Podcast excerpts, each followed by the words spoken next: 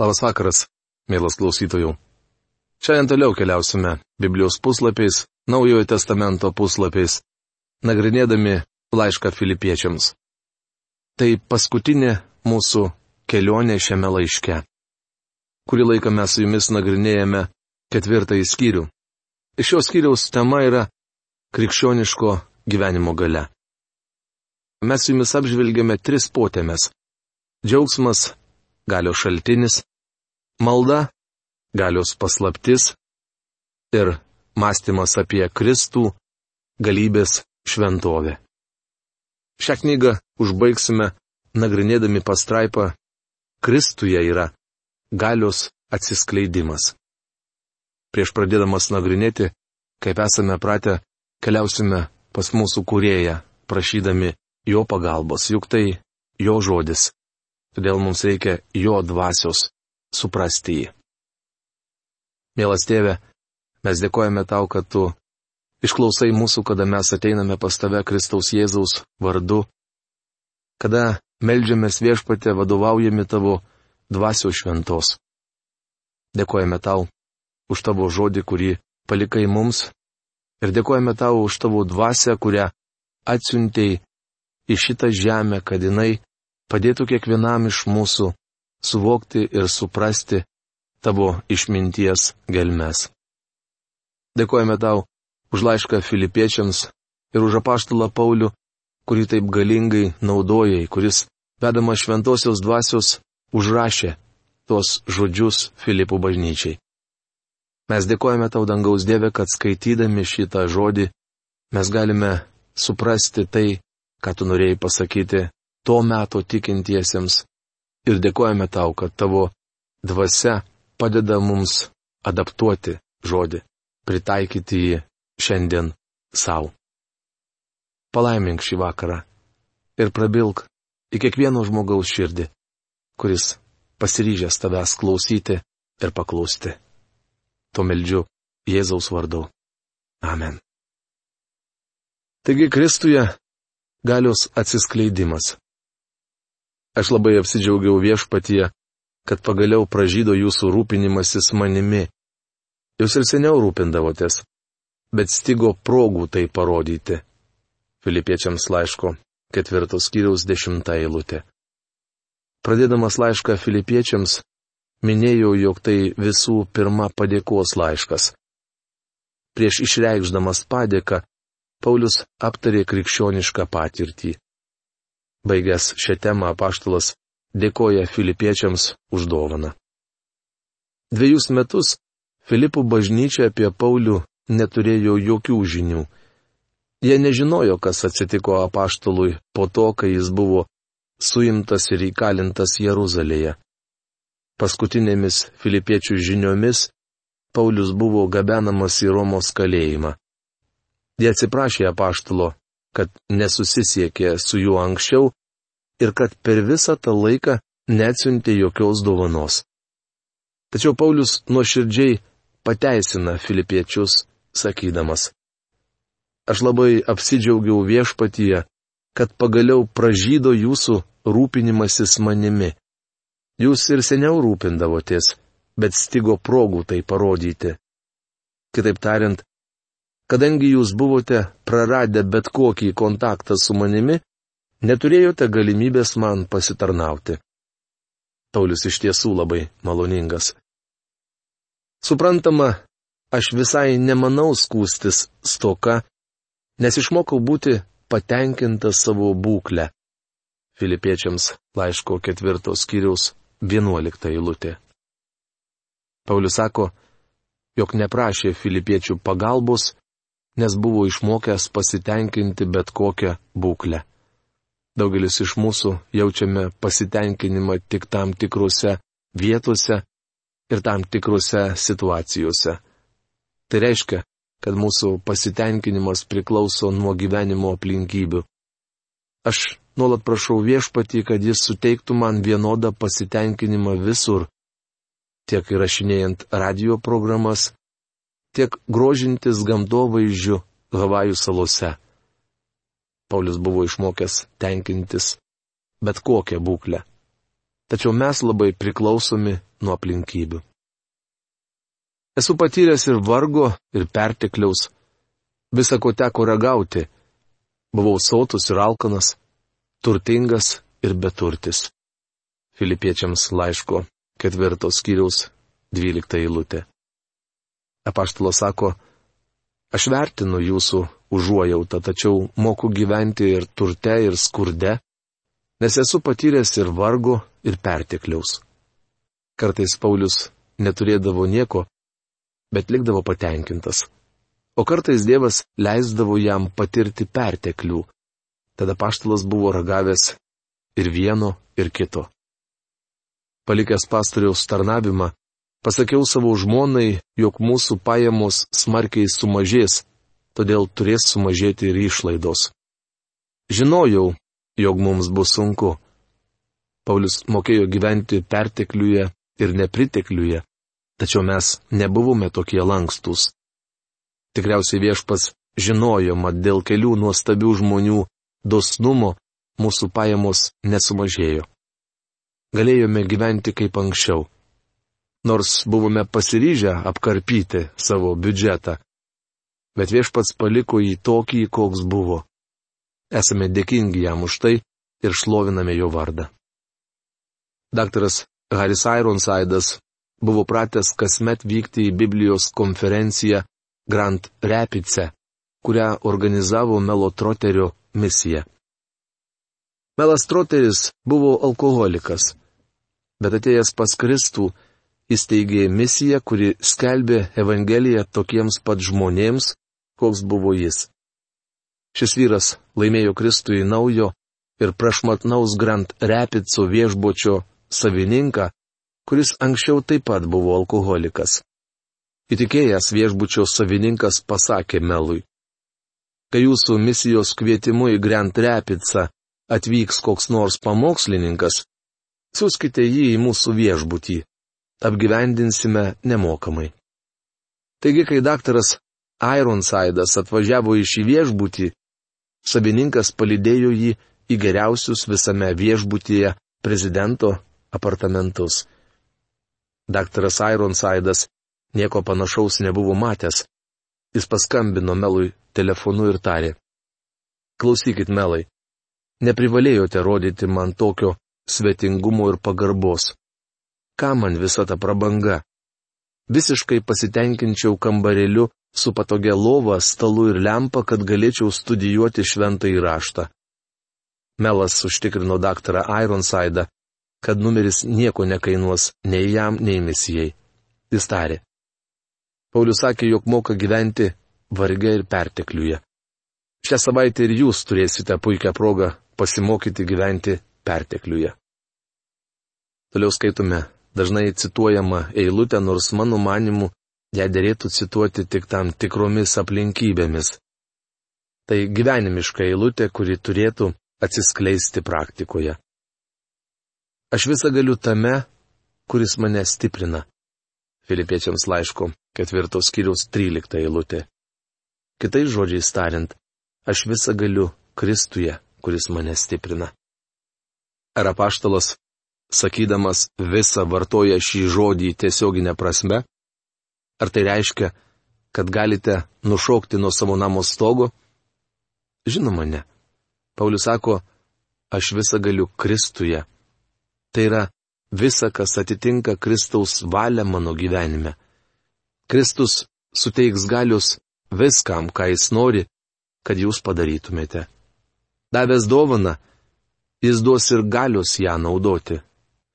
Dovana yra Dievo dvasios pasireiškimas tikinčiojo gyvenime.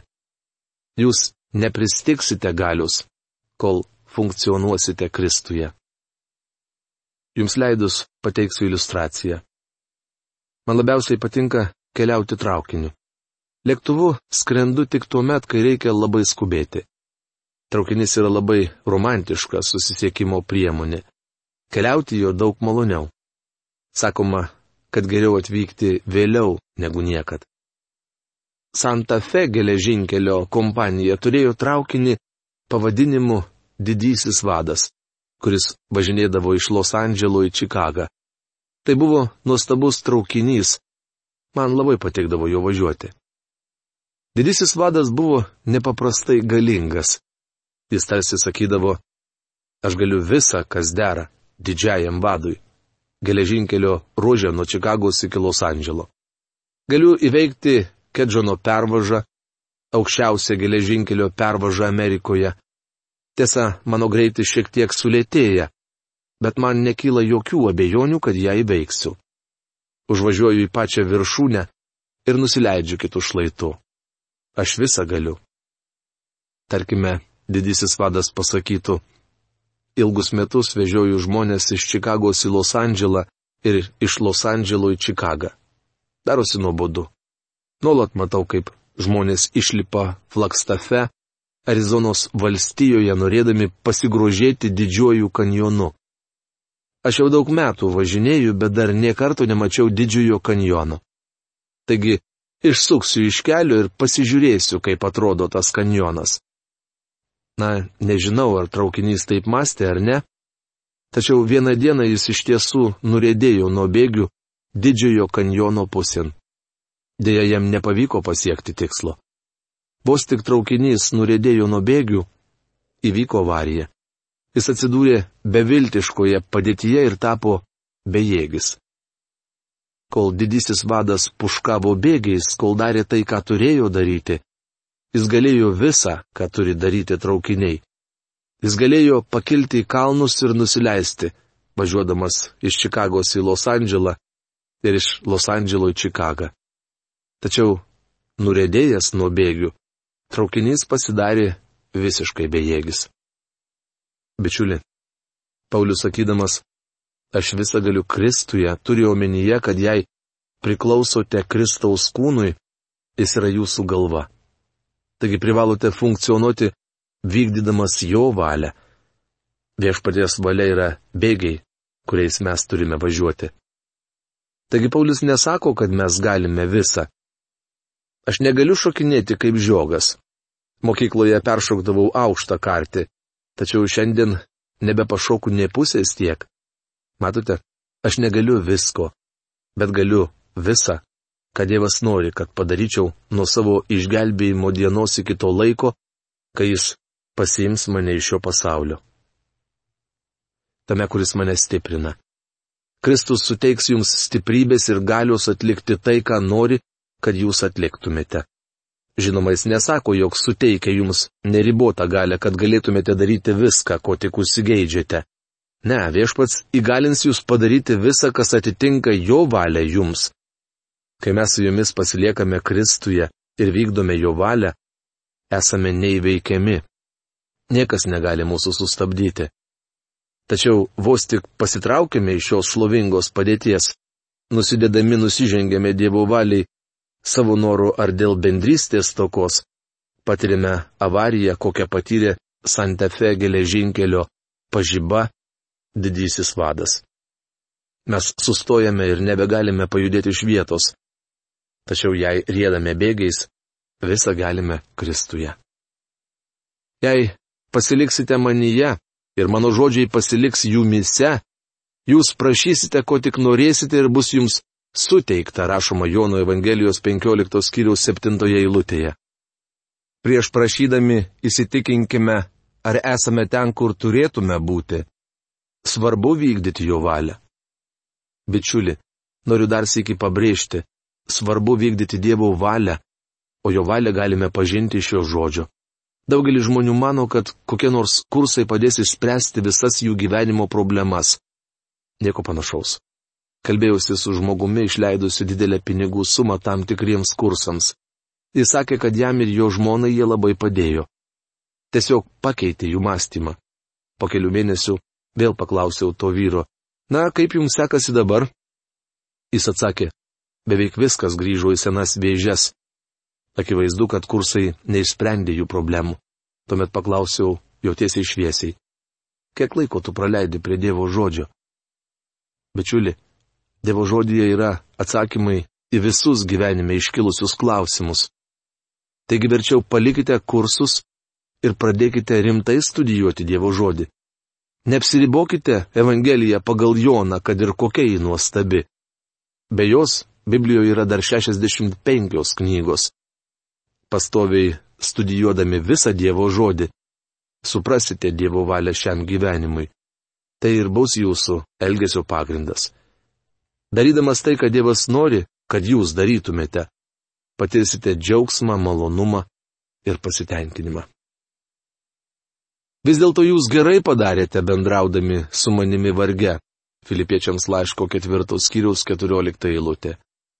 Paulius nori, kad filipiečiai žinotų, jog jis vertina jų dovaną. Jūs gerai padarėte, bendraudami su manimi varge. Tai jo asmeninė padėka. Jūs filipiečiai ir patys žinote, kai pradėjęs skelbti Evangeliją, išvykau iš Makedonijos, jokia bažnyčia neužmėsgė su manimi davimo ir gavimo santykių, tik jūs vieni. Filipiečiams laiško ketvirtos skyrius, penkiolikta eilutė. Ši bažnyčia buvo tikras brangakmenis. Džiugu, kad panašių bažnyčių yra ir šiandien. Juose puoselėjama nuostabi bendrystė ir laikomasi Dievo įsakymų. Dievas laimina tokias bažnyčias. Akivaizdu, kad Paulius buvo prisirišęs prie Filipų bažnyčios. Filipiečiai siuntė Pauliui paramą, nes apaštalas buvo jų misionierius. Argi nenorėtumėte, kad apaštalas Paulius būtų jūsų misionierius ir jūs galėtumėte jį remti? Jūs mano reikalams prisiuntėte aukų vieną ir kitą kartą į Tesaloniką. Filipiečiams laiško ketvirtos skyriaus šešiolikta eilutė. Iš apaštalų darbų knygos 16 ir 17 skyrių žinome, kad valdžios atstovai išprašė Paulių iš Filipų. Tuomet jis nuvyko į Tesaloniką, kur Evangelijos priešininkai sukėlė mieste samyšį. Niekas nepadėjo Pauliui, išskyrus Filipų tikinčiuosius. Jūs mano reikalams prisiuntėte aukų vieną ir kitą kartą į Tesaloniką. Aš netraukštų dovanos, bet noriu, kad jūsų naudai auktų vaisiai jūsų sąskaiton. Filipiečiams laiško ketvirtos skyrius, 17 eilutė. Filipiečių aukos dividendai auga iki šiol. Paulius parašė šį laišką, norėdamas jiems padėkoti. Šiandien mes studijuojame laišką filipiečiams ir esame labai palaiminti. Tai dalis jų aukos dividendų. Galima sakyti, jog filipiečiai turi apaštalo Pauliaus akcijų. Jie vis dar prisideda prie Dievo žodžio skleidimo. O aš esu visko gavęs ir turiu per akis. Aš visiškai aprūpintas per epafroditą gavęs kvapę dovaną, Dievui priimtina ir patinkama auka.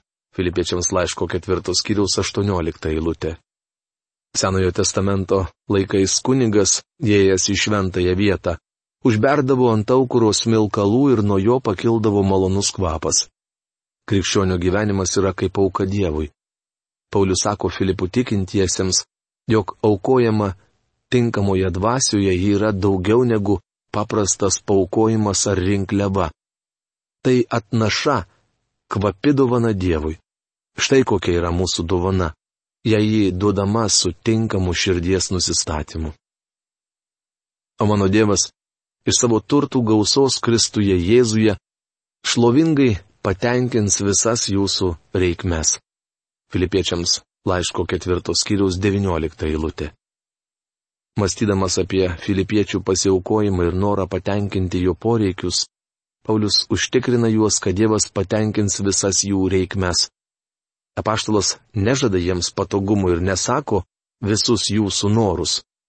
Visgi dažnai viešpats pasirūpina, kad mums būtų patogu gyventi žemėje. Tačiau tai jau priedas. Dievas prideda tai iš savo ištikimosios meilės. Mūsų Dievui ir Tėvui išlovė per amžių amžius. Amen. Filipiečiams laiško ketvirtos skyriaus dvidešimta eilutė. Dievui atitenka visa šlovė. Jis neketina dalytis jas su niekuo kitu. Sveikinkite kiekvieną šventą į Kristuje Jėzuje. Jūs sveikina su manimi esantys broliai. Jūs sveikina visi šventieji, ypač iš Ciesuriaus šeimynos. Filipiečiams laiško ketvirtos skyriaus 21-22 eilutės. Apaštalas asmeniškai pasveikina kiekvieną tikintįjį. Sveikinimus filipiečiams siunčia ir su Pauliumi esantys tikintieji. Vėl matome, kad kai kurie iš jų buvo patricijai, diduomenės atstovai Ciesoriaus namiškiai. Dabar jie priklauso Kristui ir nori, kad apaštalas primintų apie juos Filipose gyvenantiems krikščionims. Viešpatės Jėzaus Kristaus malonė te būna su jūsų dvasia. Filipiečiams laiško ketvirtos skyriaus 23 eilutė. Mielas klausytojų, šiandien mes užbaigėme Filipiečiams laiško apžvalgą. Aš norėčiau, baigdama šios dienos laidą, palinkėti, kad visi girdėti mūsų žodžiai šiandien ir kiekvieną dieną iki šios dienos nepraeitų tuščiai. Dievo žodis pats nesugrįž tuščias. Jis atliks kiekvieno žmogaus širdyje tai, kam jis ir yra skirtas.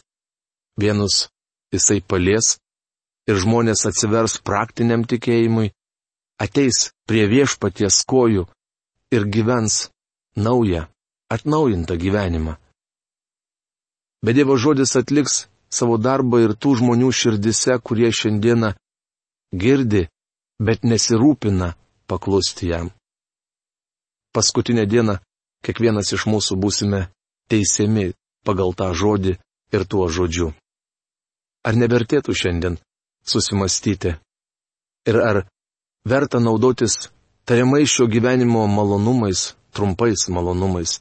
ir prarasti visą nuostabę amžinybę bendravimo su Dievu. Lauksime jūsų laiškų. Iki malonaus susitikimo. Sudė.